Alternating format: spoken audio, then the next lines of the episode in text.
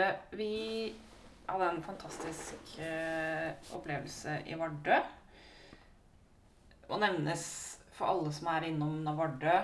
Når verden blir normal igjen, så må de gå og drikke øl på Nordpolen. Ja. Faktisk. Ja. Ja. Nordpolen er puben i Vardø. Ja. Eh, også støtta fått en del midler fra Kulturminnefondet, faktisk. ja, Og det er en fantastisk pub. Ja, ja, helt strålende. Så det bare må anbefales. Jeg må bare få inn det. Ja. Eh, og det, det Du er verdt å gjøre. Du likte den? Jeg likte den veldig godt. Så, men så kjørte vi til Vardø. Ja. Og gjennom et ganske fantastisk landskap, egentlig. Ja, så vi har uh, kalt det Lord of the Rings, Game of Thrones Altså Ja. det, er, det er veldig spesielt. Den turistveien som går fra Vardø ut Ja. til Hamningberg, er altså noe av det mest spektakulære og rare jeg har sett. Ja, det er, eh, den er ganske unik. Jeg har aldri opplevd noe annet noe annet sted Nei. Enn den veien der. Uh, og så var det litt fint for meg å reise hit, fordi at forrige gang jeg kjørte den veien, så var jeg sånn så innmari migrene. Så jeg sto liksom og kasta opp bak hver liksom annenhver stein bortover der. Så opplevelsen var litt bedre nå. Den var litt bedre nå, ja. Ja. ja og vi Så- eh, satt jo Det tok pusten fra oss. Og den veien, den Jeg kaller det veiens ende når vi kommer til Hamningberg, og det er jo helt riktig, fordi Da er vi på toppen, altså. Ja. Hamningberg er rett og slett et fraflytta fiskevær. Det er det. Eh, som i dag er veldig opp å gå. Ja. Eh, men ikke sant, hvis vi ser historien der, fordi at det er som du sier, vi føler jo at vi kommer til verdens ende, og det er egentlig det vi gjør. Mm. Eh, samtidig så er det jo Altså det er nok en gang altså et eksempel på hvordan liksom naturressurser trekker til seg folk. Ja. Litt den der som vi også snakka litt om på Røst. For, for det ligger liksom helt ytterst der. Og her har det vært et veldig levende fiskevær. Og, og det som trekker, er jo havet, selvfølgelig. Og fisken. Men så skjer det noe i Hanningberg. På 60-tallet. Ja, så blir det fraflytta. Mm. Eh, tvangsflytta, faktisk.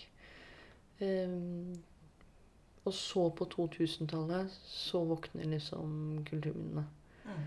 Eh, så vi skal jo fortsette litt eh, der Svein Harald slapp, eller det han også snakka om. Og Svein Harald kommer på banen. Han Ja. eier jo da også han eier eh, et par bygninger i Hanningberg.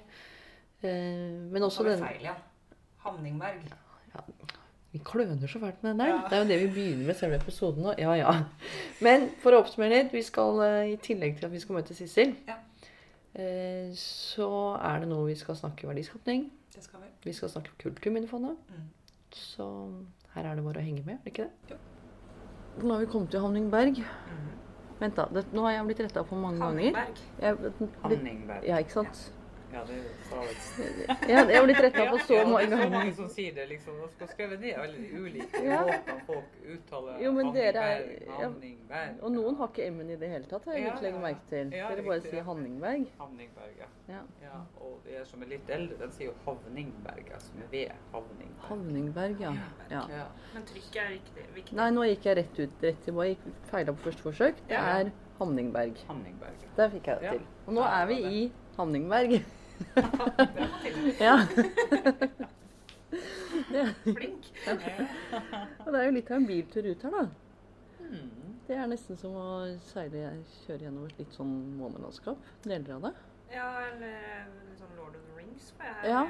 Ja, det er det jeg sier de her at det er ungdommene som er tvunget med foreldrene på tur i sommer. De sier liksom Det var akkurat som Game of Thrones og Lord of the Mm. Rings, sier de liksom. Det her var bra, sier de. Ikke sant?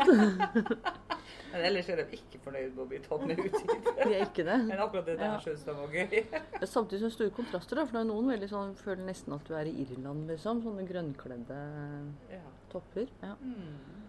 Så. Men OK. Um, Hvor sitter vi, da?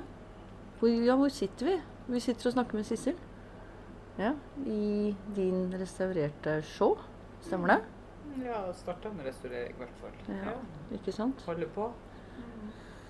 Og dette er Jeg leste meg litt opp før vi, før vi kom hit. Hanningberg er, var jo, har jo vært et yrende Kaller man det et fiskevær? Fiskevær. Et yrende fiskevær, Ja. rett og slett, på begynnelsen av 1900-tallet. Ja. Og du sa i stad opp mot 400 Jeg fastboende. bodde her. På det meste så bodde det 400 mennesker, 450 mennesker. Det som er absolutt mest målt her, da. Ja. Hvor lenge har det vært bosetting her? Vet man det? Ja, det har man jo Det er jo lang, langt tilbake i tid. De har jo drevet med sånn arkeologisk utgravning da, og funnet ut at det, det har vært bosetning her tilbake på 16, nei, på 1500-tallet, egentlig. Så langt tilbake. Ja. Så, eh, så Men i selve, altså selve sånn nytt Hanningberg sted, det er ikke jeg sikker på, egentlig. Hvor, ja. men de har funnet det. så bl.a. Blant annet i fjor, det er egentlig hvert år her fra en av universitetet i Tromsø, da, så holder de på med utgravninger på ulike, ulik fokus. Sist så var det liksom i forhold til fisk og slags fiskesorter og sånne ting da de hadde fokus på. da. Så da har de plasser Der som dere skal overnatte da i Sjåvika, der driver de med utgravning. For der var det gammel bosetting. Ja, for da snakker vi om veien ut her, men den, den egentlige veien var jo sjøen. Ja, Ja. det var sjøveien som ble brukt, og det var liksom det her fiskeværet og veldig mange andre fiskevær i hele, langs hele kysten, da, og også i denne kommunen, da, Makkø annet. Så det er jo sjøveien som ble brukt, for veien ble jo ikke bygd før etter krigen, da den var ferdig som rundt midten av 50-tallet. Vi kan, det- jo, vi kan vel kalle det en slags utpost på Varangerhalvøya. Ja. Hmm. Ja, ja, Ja. altså det er jo Veien Den- stopper her. Ja da, Ja. det her er liksom enda, Da må du liksom uh, Roads enda. Ja. Og da må du tilbake, egentlig. Ja. Så, uh, men det er klart, det var jo båten, og det var jo lokalene. Så det gikk jo sånn lokalbåter som fungerte da som uh, hva skal jeg si, transportmiddel. Da, som frakta både varer og folk og til Vardø, som var nærmeste sykehus, ikke sant. Og lege var du heller ikke fast der, så det var jo også Vardø, da. Og så selvfølgelig mellom stedene, sant? for folk folkene bodde jo på de ulike stedene og var jo ja, slekt og forbindelse var det jo mellom alle, ikke sant? så de for jo mellom alle de her plassene. da. Båtsfjord, Makkør, Honningberg, Vardø, sant? alle de her. Så eh, det var jo sånn det skjedde. Ja, for her var det, ikke sant, her er du jo tett på naturressursene. fisk i dette tilfellet. Eh, så, så her var det jo et yrende liv. Altså som vi nevnte, opp mot 400-450 Fastboende. fastboende som bodde her. Mm, mm. Pluss alle som kom på Ja, fiske. alle som kom. Så det var jo flere tusen i sesong, sesongarbeid eh, som var her. ikke sant? For da var det jo både fiskerne og de som ja, til med, med hva skal jeg si, å ta vare på fisken. da. Så da var jo alle i arbeid hele tida. Så én ting var jo den basen, stammen med fiskere som var her. skjønt. Og så var det jo liksom I sesongen var det jo på tusenvis av fiskere. Og de kom jo fra hele Norge opp og fiske. Så det, liksom, det var jo også et sånn, sam, det er jo også et sånn samtaleemne at ja, min far min bestefar var her oppe på Finnmark og fiska. Han var i Hanningberg. ikke sant? Min oldefar. altså Det er sånne historier som, som går igjen. da, fordi at det var det de gjorde. De dro jo etter fisken. Det er jo sånn Lofotfiske nå. ikke sant, at da drar jo folk fra hele både Helgeland, nord, altså nord, nord, andre deler av Nordland enn i Lofoten ikke sant, og, og fisker. da. Så det gjorde de jo her, da. Kom jo hit fordi at fisken var nært. ikke sant? Det var nært land, det var lett å hente den, og lett å få den på land, og lett å få den solgt. For her var jo også masse fiskebruk. Her var jo 13 fiskebruk på det meste. Sant? Som alle tok imot fisk, og så det var lett å bli kvitt fisken òg. Så det var lett å få tak i det, og lett å bli kvitt. Så det var Så samfunnet her er jo på mange måter bygget opp rundt fiskerinæringen. Ja, det var det som var primærnæringa, og det var det folk levde av, og det var fiskeri.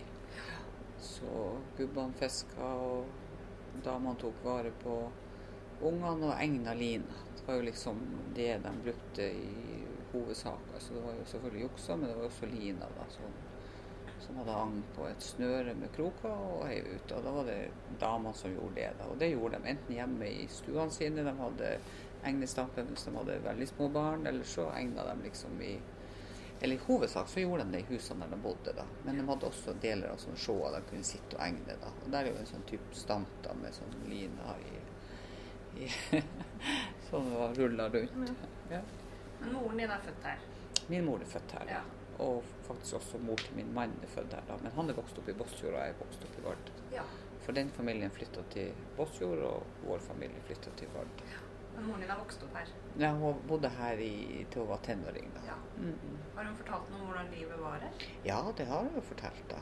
Så eh, det er klart, det var jo et yrende samfunn. Det var jo skole, det var jo butikker, bakeri og det var voldsomt med aktivitet, egentlig. Så eh, og det ser man jo på, egentlig på gamle bilder også. altså Det var bestandig mye folk. og Alt som foregikk i et hva skal jeg si, stort, lite samfunn ellers, foregikk jo her, da. Så det var jo aktivitet. aktivitet. Og så, på 60-tallet, så er det slutt. Ja, det var Det handla jo om at eh, eh, Det handla om at eh, de som hadde båter, fikk større båter. Altså Det var behov for å fiske mer, det var behov for å gå lenger ut og fiske. Og så var, er det veldig dårlige havneforhold her. Eh, og det var også sånn at det var veldig mange båter som havarerte, da, spesielt i vinterstormene. Så mye at forsikringsselskapene nekta å forsikre båtene på vinteren. Så de hadde bare forsikring på sommeren. Og så begynte man å jobbe mot, eller parallelt med det her, så jobba man mot staten for å få bygd molo. Altså det er jo en molo her, men for å få forlenga Molloen, også fra andre sida, så at man fikk bedre havneforhold. Og det ble lovt og lovt og lovt at det skulle komme molo, og så tok man en beslutning tidlig på 60-tallet da at eh, det ikke skulle bygges molo da. Og, eh, og da var det ikke liv laga å bo her, altså, fordi at folk hadde jo ikke Altså det var så mye ødeleggelse av båtene og Så det var egentlig en beslutning om å legge ned? sånn- ja, det var det som gjorde det. Og da beslutta de også samtidig, sant, forhold, det er jo kommunen, sant, det er jo Båtsfjord kommune som dreiv hele Eller så, det tilhører jo Båtsfjord kommune, da, selv om det ligger egentlig nærmest Vardø, da. Og, og da la de ned skoen, da. Så, så skoen ble også lagt ned, da. Så at eh, i 65 så slutt, flytta den siste barnefamilien herifra, da. Da var det ingen skole, og da var det ikke noe. da. Så bodde det noen pensjonister igjen, fire-fem pensjonister igjen, bl.a. tidligere sognepresten her, eh, som bodde her til i 72. da. Så da flytta de også, da. så da var det slutt. Da var det ingen som bodde fast her. Hvordan gikk det med husa og, sånn Ja, husene huset liksom? hadde jo veldig mange Altså, de fikk jo, når de flytta, så var det jo Det var jo da en del da som søkte og fikk eh, sånn såkalt fraflyttingsbidrag. Men det var jo ikke noe store summer. Det finnes jo fortegnelser over hva de fikk, de ulike, men det var ikke noe store summer. Så, så det var veldig mange som pakka sammen, eller de tok ned husene sine. Mm. Rett og slett for å gjenbruke materialen. da. Så, eh, og så er en del av husene ble stående igjen, og så kom de jo tilbake da ved hver anledning da på sommerstid, for det er jo vinterstengt vei her. Ja. Så den stenger jo sånn normalt i Eller den sner igjen da i oktober, og så litt variert når den åpner. I år ble den ikke åpna for 18. mai pga. snøforholdene. Året før ble den åpna 18. april, så det varierer egentlig. Ja. Ja. så, men når folk flytta herfra, så var de tilbake her. De bodde jo her, Pensjonistene bodde jo her hele sommeren. ikke sant, og hver helg. Det gikk til og med buss. Det var satt opp buss fra Vardø til Hanningberg hver helg. Så hver fredags ettermiddag så dro alle utflytta Hanningberger tilbake til husene sine. Og så tilbake på søndag. Altså. Så det var liksom buss fredag og søndag til Hanningberg, så folk skulle få lov. Det var sikkert en sånn der goodwill-pakke for fraflyttinga, vil jeg tro. For det høres jo litt sånn merkelig ut, da. Men, men det var det. Det, Og det var det i massevis av år. det var- må jo ha vært bra for husene. Ja, selvfølgelig. At de ble tatt vare på. Mm. Og de fleste som har hus her, er jo etterkommere av de som bodde i Hanningberg. Altså. Så de hva skal jeg si, stammer fra Hanningberg. Da. Mm. Ja, nå har vi snakka mye om det som var i, Ha- i Hanningberg. Hanningberg, ja. Ja.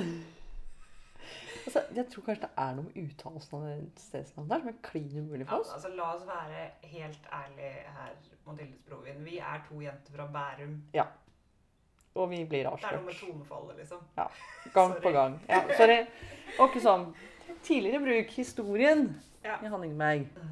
Men vi sa jo innledningsvis at dette stedet her er jo, dette er jo ikke noe forfallent fraflytta sted i dag. Eh, fordi de jo langt på vei har fått en ny bruk. Det har de. For dette har gått fra å være et fiskevær, et Mm. levende fiskevær, til faktisk eh, til dels turisme. Mhm.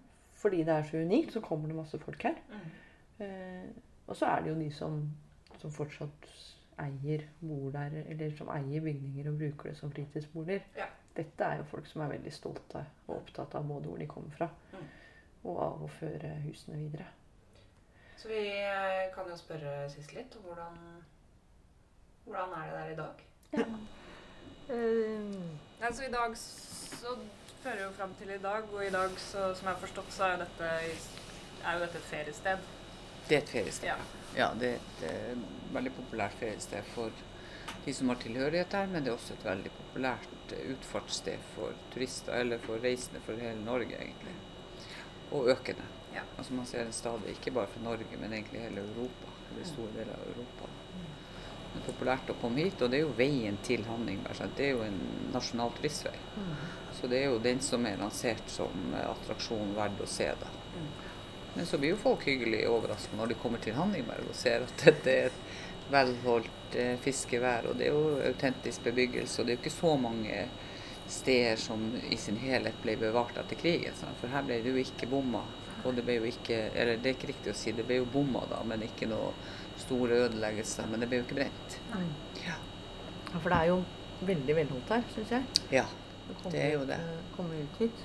Ja, og så er jo de husene De som er her, er jo i hovedsak gamle hus. da, Ja. Fordi at det ikke ble brent. Ja. Tyskerne ikke rakk å brenne. da. De brant jo hele, de brant jo store deler av Finnmark når de evakuerte ut Mm. her. Men eh, ikke i øst. aldri-. Ja, jo, de var her. De var her her, var det ja. jo hundrevis av tyskere under krigen. Ja.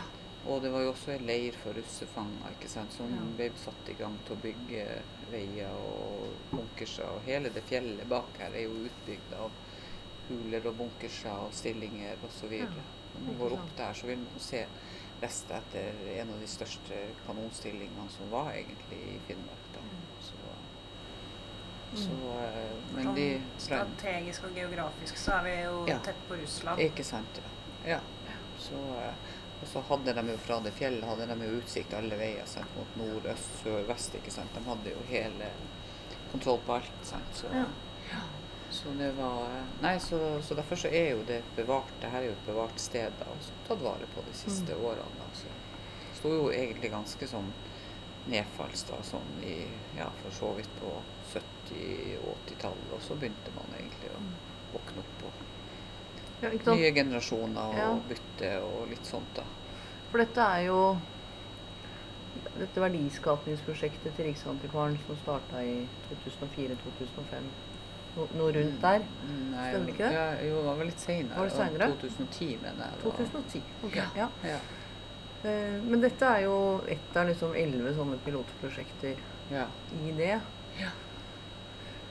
I hvilken grad var det noe liksom dere visste om før dere ble valgt ut, eller i hvilken grad liksom var det noe som Hvordan tenker du at det har påvirka stedet her, og dere som eier Jo. og bygningen og Ja, det har eh, påvirka stedet på en veldig positiv måte, egentlig. Fordi at det var en sånn eh, skikkelig oppvåkning for mange, egentlig, som egentlig eh, hadde veldig sånn holdning sånn gammelt mannskitt. Altså riv ned, ikke sant. Få det bort, Mm. eh, bygg nytt osv. Og, og så var det jo en prosess i det her verdiskapningsprosjektet, da, og hvor han eh, Svein Harald Holmen var liksom prosjektleder og gjorde egentlig en ikke egentlig, han gjorde en god jobb. Fordi at han eh, Fordi at folk sjøl liksom fikk eh, Altså folk deltok i ulike typer prosjekter, og, og gjennom det så fikk man eh, Altså man fikk kunnskap. Eh, hvor viktig det var, og så ikke minst det at man hadde mulighet til å søke penger og fikk penger. Eh, Sånn at man fikk støtte til å gjøre de her ulike tingene, og også veiledning underveis. For det så man jo fort at det hjalp ikke så mye med støtte hvis ikke du visste egentlig hva du skulle gjøre. da. Så det at man også fikk på plass ikke sant, håndverkere, veiledere eh, og hadde en prosjektleder, hjalp sant, både med søknadsskriving og, og det her underveis når folk starta opp. da. Så, så akkurat det her prosjektet har, var veldig veldig bra for det her stedet. da. Og det kan man jo egentlig takke det prosjektet for at så mange hus egentlig ble ivaretatt. da. Mm. Også på en så god måte. da. Og det var jo også sånn at en del av husene ble jo tilbakeført altså fordi at man hadde fjerna alle utspring og alt det som egentlig var spesielt. For det var veldig mange fine hus i Hanningberg. Og det, når man restaurerte dem, så rev man bare alt, for det var slette vegger. Det var det Ja, som telte. ikke sant? Og så fikk man liksom tilbakeført en del av husene da, pga. at man fikk midler til det. Men var det da dette startet at din interesse for å sette i stand gamle hus Eh, ble vekket, eller var det Nei, fra det før var av? egentlig før. Ja. Altså, vi, vi hadde det der huset etter min mor som egentlig var ganske dårlig forfatning, da. Og så, så prøvde jeg å huske egentlig hvordan det kom i gang. Men det var ei som jobba i, som jeg kjente som jobba på fylkeskommunen med sånn. Med, altså på eh, via, med kulturminner og så videre. Og så søkte vi allerede i 2006 så tidlig søkte vi eh, midler, og det var fra Kulturminnefondet. Mm. Og da var de veldig sånn eh, på ikke sant, i forhold til å komme ut og hjelpes til. Og det var jo helt i spede begynnelse. Eh, og hjelpes til, og så hjalp til med den søknaden. Det var jo veldig enkelt. Det var jo så enkelt at du trengte jo ikke noe sånn oversikt over hva ting koster. Du bare tenk på et tall, og så førte du med. Og, sant, og, cirka. Og så, ja, og så søkte man jo bare på hele greia. Jeg trenger å pusse opp dette huset, ikke sant. og jeg trenger eh, en million. Nei da. Altså, du trenger 100 000, kan jeg få det, ikke sant. Så, så det var jo veldig greit, altså. Det kommer penger og en mann opp i greia. Ja, det var nesten sånn. Det var nesten sånn, ikke sant. Så, eh, og da fikk vi jo, eh, fikk vi jo midler da. Altså, det var jo min mor som eide huset, da, men jeg liksom hadde fullmakter og, og styrte. Så vi begynte jo allerede med det huset i 2006, da. Og tok det sånn stykkevis og delt, da. Og så kom jo det her eh, prosjektet da etter det, da. Ja. Så jeg prøvde å huske liksom om det var i 2000, om det var litt før da, men det var i hvert fall ikke så tidlig som i 2004. Det var det ikke. For det her var helt utenom prosjektet, og helt før det prosjektet, det her 2006 da.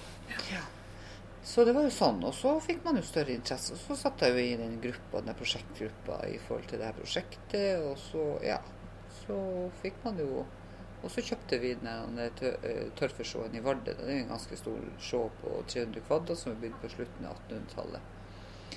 Som vi starta også å restaurere da etter hvert. da. Så den er vi jo nesten ferdig med nå, da. Vi mangler bare noen vegger. De er i gang med vegg nummer Ja. Og der skal det også være kafé? Nei, det har jeg ikke bestemt oss ennå. Vi tenkte at vi må, vi må vente til vi er ferdig for å Vi har begynt å tenke litt, men vi er ikke kommet eh, Men vi må bruke det til et eller annet. Enten må man bruke det, eller så må man kvitte seg med det. Kan i hvert fall ikke bare stå, ikke for da blir det forfall på nytt igjen. Og, og i hvert fall ikke stå til å samle mindshit i, for å si det sånn. da. Så, så det må brukes til et eller annet. Men eh, vi har ikke landa på noe ennå. Så vi må liksom bli ferdig med restaureringa først. Har du sett noe effekt på hva et sånn type, en sånn type interesse fra myndigheter eller fra Kulturminnefondet, eller at altså, sånn type engasjement for å sette i stand dette, hva det har gjort med, med de som eier her? Ja, altså det, det har jo gjort sånn at de får eh, At de, at de tar vare på ting, altså. Altså det her med interesse og engasjement og kunnskap gjør jo sånn at du tar vare på tingene på kanskje en litt annen måte enn du ville gjort hvis du ikke hadde hatt en sånn type prosjekt og engasjement. Da. Så, eh, og det ser man jo, altså. Men så er det jo også en, en, en ny generasjon som Så det, det er jo sånn blanding mellom hvorfor ting ble som de ble, ikke sant. Fordi at man, man har et, eh, et annet syn på liksom hva er verdt å ta vare på, og hvordan skal vi ta vare på det. For den interessen hadde man ikke. altså Man, ville vil liksom gå videre og kvitte seg av med alt som var eh, gammelt. Men nå ser man jo en sånn generell interesse i samfunnet. At liksom det å ta vare på ting og det å og Det er jo liksom her òg, ikke sant. Her kommer jo folk inn med sine barn eller barnebarn og går rundt og viser sånn hadde vi, og sånn hadde bestefar og oldefar, og sånn hadde vi. og Altså det er jo liksom Ja. Det er en annen det er en helt annen si, mentalitet i forhold til det her med, med gammelt. da. Mens her, når de rydda her, kan jeg huske første gangen når vi begynte å være her, da, i voksen alder, da, da hev de jo alt. Det var liksom i fjæra med å brenne, det var jo slipesteiner, det var jo redskap, det var jo gamle båter, det var liksom alt bare bom, bort. Få det bort. Er rot og skit. Vi skal ikke ha det stående rundt. Altså, det var jo det er jo nesten å vil gråte i dag om man tenker egentlig alt det den brannen. Men, men sånn var det bare. Det var ikke, Man tok ikke vare på ting. Skulle opp og frem og videre? Liksom. Ja, riktig. Man var ferdig med det, liksom. Og det var ikke noe å dvele ved. sant? Fordi at ikke hadde man bruk for det. Og, og det var kanskje mange sånn såre minner med masse sånn gammelt mannskitt, som jeg sa her. her. Her sier man jo gammelt mannskitt om alt som ikke er brukbart, da. Eller som man ikke mener er brukbart. Det er sånn dialektuttrykk, ikke sant. Så det ville man ikke ha. Ja. Så, så man ville helst ta det bort og vekk, sant. Så det var Men det handler jo litt om stolthet òg, gjør det ikke det? Om- Jo, det gjør nok det. Hva du har, eller hvor du Ja. kommer fra, kanskje. Ja, ikke sant? ja, ja. Altså, hva Jo. man er og hva man kommer fra. Ja, det tenker jeg også. At det er nok det det er, liksom. At det nye og det nye og finere og Men jeg kan jo forstå den psykologien bak. ikke sant? På 60-tallet så får du beskjed om at vet du hva, her, dette er ikke verdt noe. Her er det ikke verdt å leve. liksom. Mm, Ja. Og så skal man plutselig komme tilbake liksom to tiår etterpå og si Eller tre tiår etterpå og si sånn Ja, men skjønner du ikke hva du har? Dette er jo kjempeflott. ja, Ja, det må jo være et veldig ja, ja, paradoks, da. ja, ja, riktig. Ja, ja og så hadde jo du liksom før det her igjen, så hadde du jo den ekstreme innblandinga når folk skulle gjøre noe. Men du får da et prosjekt med en prosjektleder som som er lokal. Ja. Ja, ja. Det var jo ja, ja. kanskje Ikke sant? Som kanskje Ja, da blir en det sånn var jo- Du, Ja, for det var jo eh, Ja, det var jo det, liksom, at det var Det var jo det at du fikk eh, At du følte at du følte eierskap til det du hadde, egentlig. Man liksom gikk litt sånn tilbake og tenkte og fikk fokusert på at ja, du eier et hus som har verdi. Og hvordan kan du og hvordan kan du ta vare på det sånn at det blir best mulig? Sant? Og så gi den kunnskapen som var nødvendig, slik at folk kunne lykkes med det. Og føle stolthet tilbake. liksom Det at jeg eier det fine huset, og se hva jeg kan gjøre med det, og se hva jeg gjør med det. Sånn at det blir bra, da.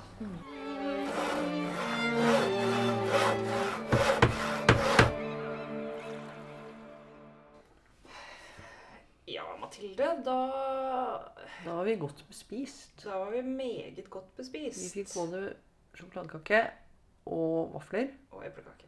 og eplekake og kaffe. Og fryktelig hyggelig samtale med Sissel. Veldig. Og så var det det som gikk jeg på opptaket, men som Sissel fortalte. Og det visste jo Nei, vi visste egentlig ikke det, for vi er så himla dårlig i geografi. Men det som ligger utafor den sjåa, det er jo Barentshavet. Så her hadde vi en unik mulighet Mente du? ja, til å bade. Og det er jo, altså Dette ser jo helt fantastisk ut. Det er jo hvite strender, blått hav, sola skinte. Ok, det blåser litt, skal innrømme det.